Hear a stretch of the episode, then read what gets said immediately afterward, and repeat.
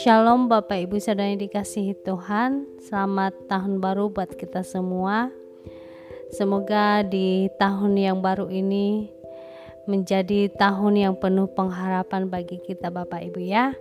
Nah Bapak Ibu Mari kita kembali merenungkan firman Tuhan pada pagi hari ini. Namun sebelumnya mari kita bersatu di dalam doa.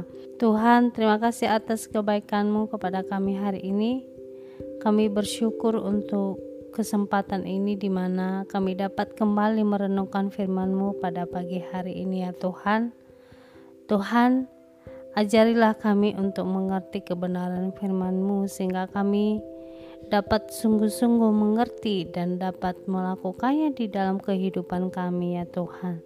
Terima kasih ya Tuhan, di dalam nama Tuhan Yesus kami berdoa, haleluya. Amin.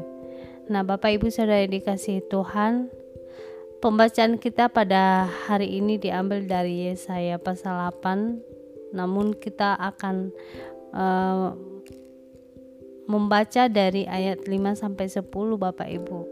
Saya akan membacakan uh, ayat ini kepada kita semua dimulai dari ayat 5. Tuhan melanjutkan lagi firman-Nya kepadaku.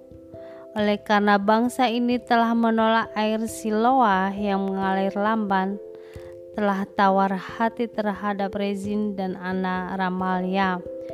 Sebab itu, sesungguhnya Tuhan akan membuat air sungai Efrat yang kuat dan besar meluap-luap atas mereka, yaitu Raja Asyur dengan segala kemuliaannya.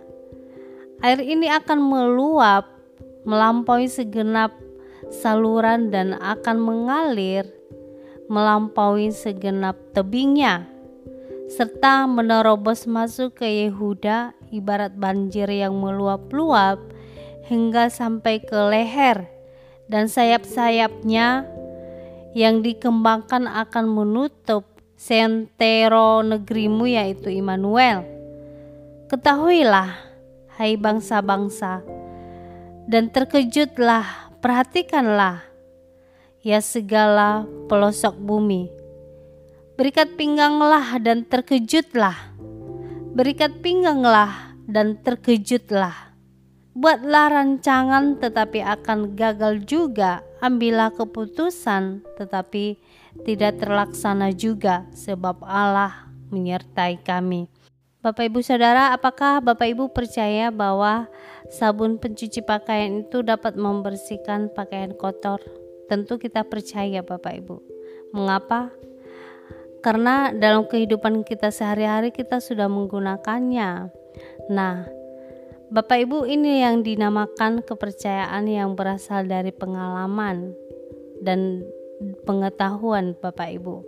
Nah, kehidupan kita sebagai orang Kristen juga tentu harusnya demikian Bapak Ibu di mana seharusnya kepercayaan kita kepada Allah tidak perlu dipertanyakan atau diragukan lagi, karena kita mengetahui melalui Alkitab bahwa Allah berkuasa dalam segala hal, dan bahkan saya juga yakin bahwa tentu Bapak Ibu semuanya pernah mengalami kuasa Tuhan itu, atau pernah mengalami pertolongan Tuhan.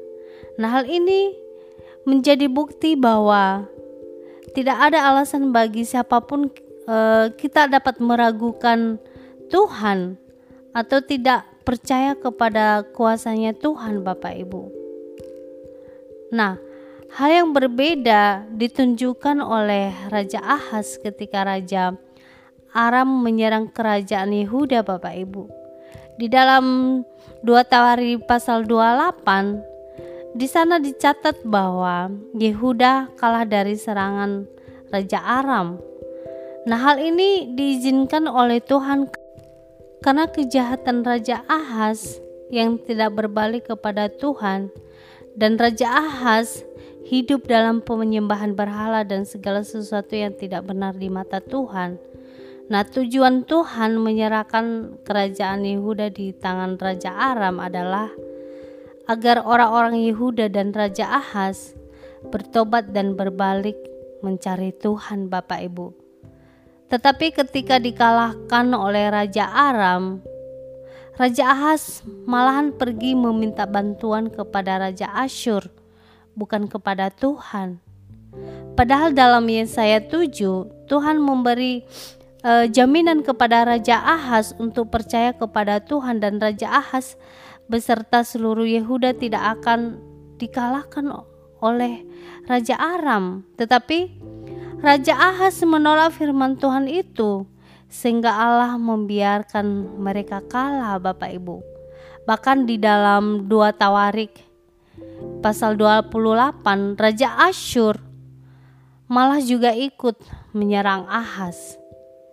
Dan di pasal di dan di Yesaya pasal 8 mencatat respon Tuhan mengenai hal ini dikatakan dalam ayat 6 sampai 8 oleh karena bangsa ini telah menolak air Siloah yang mengalir lamban dan telah tawar telah tawar hati terhadap Rezin dan anak Ramalya. Sebab itu, sesungguhnya Tuhan akan membuat air sungai Efrat yang kuat dan benar, besar, meluap-luap atas mereka, yaitu Raja Asyur dengan segala kemuliaannya.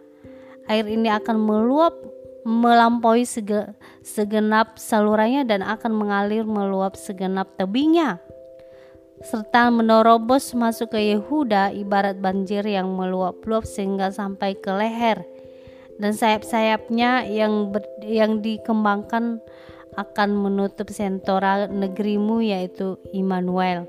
Nah, melalui ayat-ayat ini kita dapat melihat bahwa Akibat dari Ahaz yang menolak percaya akan pertolongan Tuhan adalah Tuhan membiarkan Ahaz dan Yehuda mengalami penderitaan akibat penyerangan yang dilakukan oleh Asyur yang semula mereka andalkan Bapak Ibu. Nah, Asyur yang mereka yakini dapat menjadi penolong bagi mereka justru sebaliknya menjadi malapetaka bagi mereka Bapak Ibu. Nah, Bapak Ibu Saudara, dengan demikian apa yang dapat kita pelajari dari firman Tuhan hari ini Bapak Ibu?